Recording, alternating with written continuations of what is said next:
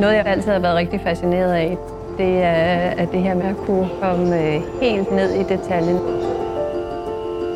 At få lov til at zoome ind på alle de øh, materialer, som vi faktisk omgiver os med som mennesker, og som vi jo har gjort helt tilbage i forhistorisk tid. Hvor mange spændende historier, man faktisk kan, kan trække ud af det. For det er jo også det, det handler om, at ligesom få levende gjort nogle historier på en eller anden måde. Altså noget af det, som jeg ret øh, ofte bliver ramt af som konservator, det er det her med, at jeg rent faktisk føler historiens vingesus. Når man står der ved sit arbejdsbord og for eksempel lægger et stykke arkeologisk læder ind under mikroskopet, og lige pludselig kan man se de små sømhuller, der er i en sål. Man kigger i virkeligheden, ja i det her tilfælde skomageren, over skulderen.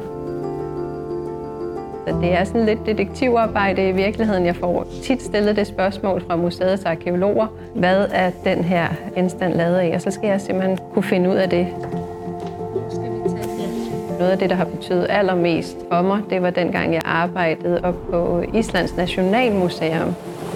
Jeg arbejdede med en vikingtidsruin i Reykjavik, som simpelthen skulle konserveres og bevares for eftertiden.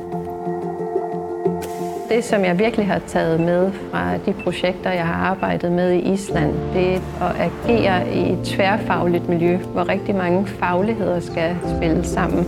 Og det er noget af det, som vi arbejder rigtig meget med her i Next Generation Lab også. Og på den måde opstår der virkelig en god synergi, hvor vi får trukket mest mulig information ud af det forhistoriske arkeologiske materiale godt ja. Når man står med sådan nogle genstande i hænderne, så er det klart, at man en gang imellem, jeg nærmest vil ønske lidt populært sagt, at man øh, kunne tage en tidsmaskine og rejse tilbage i tiden.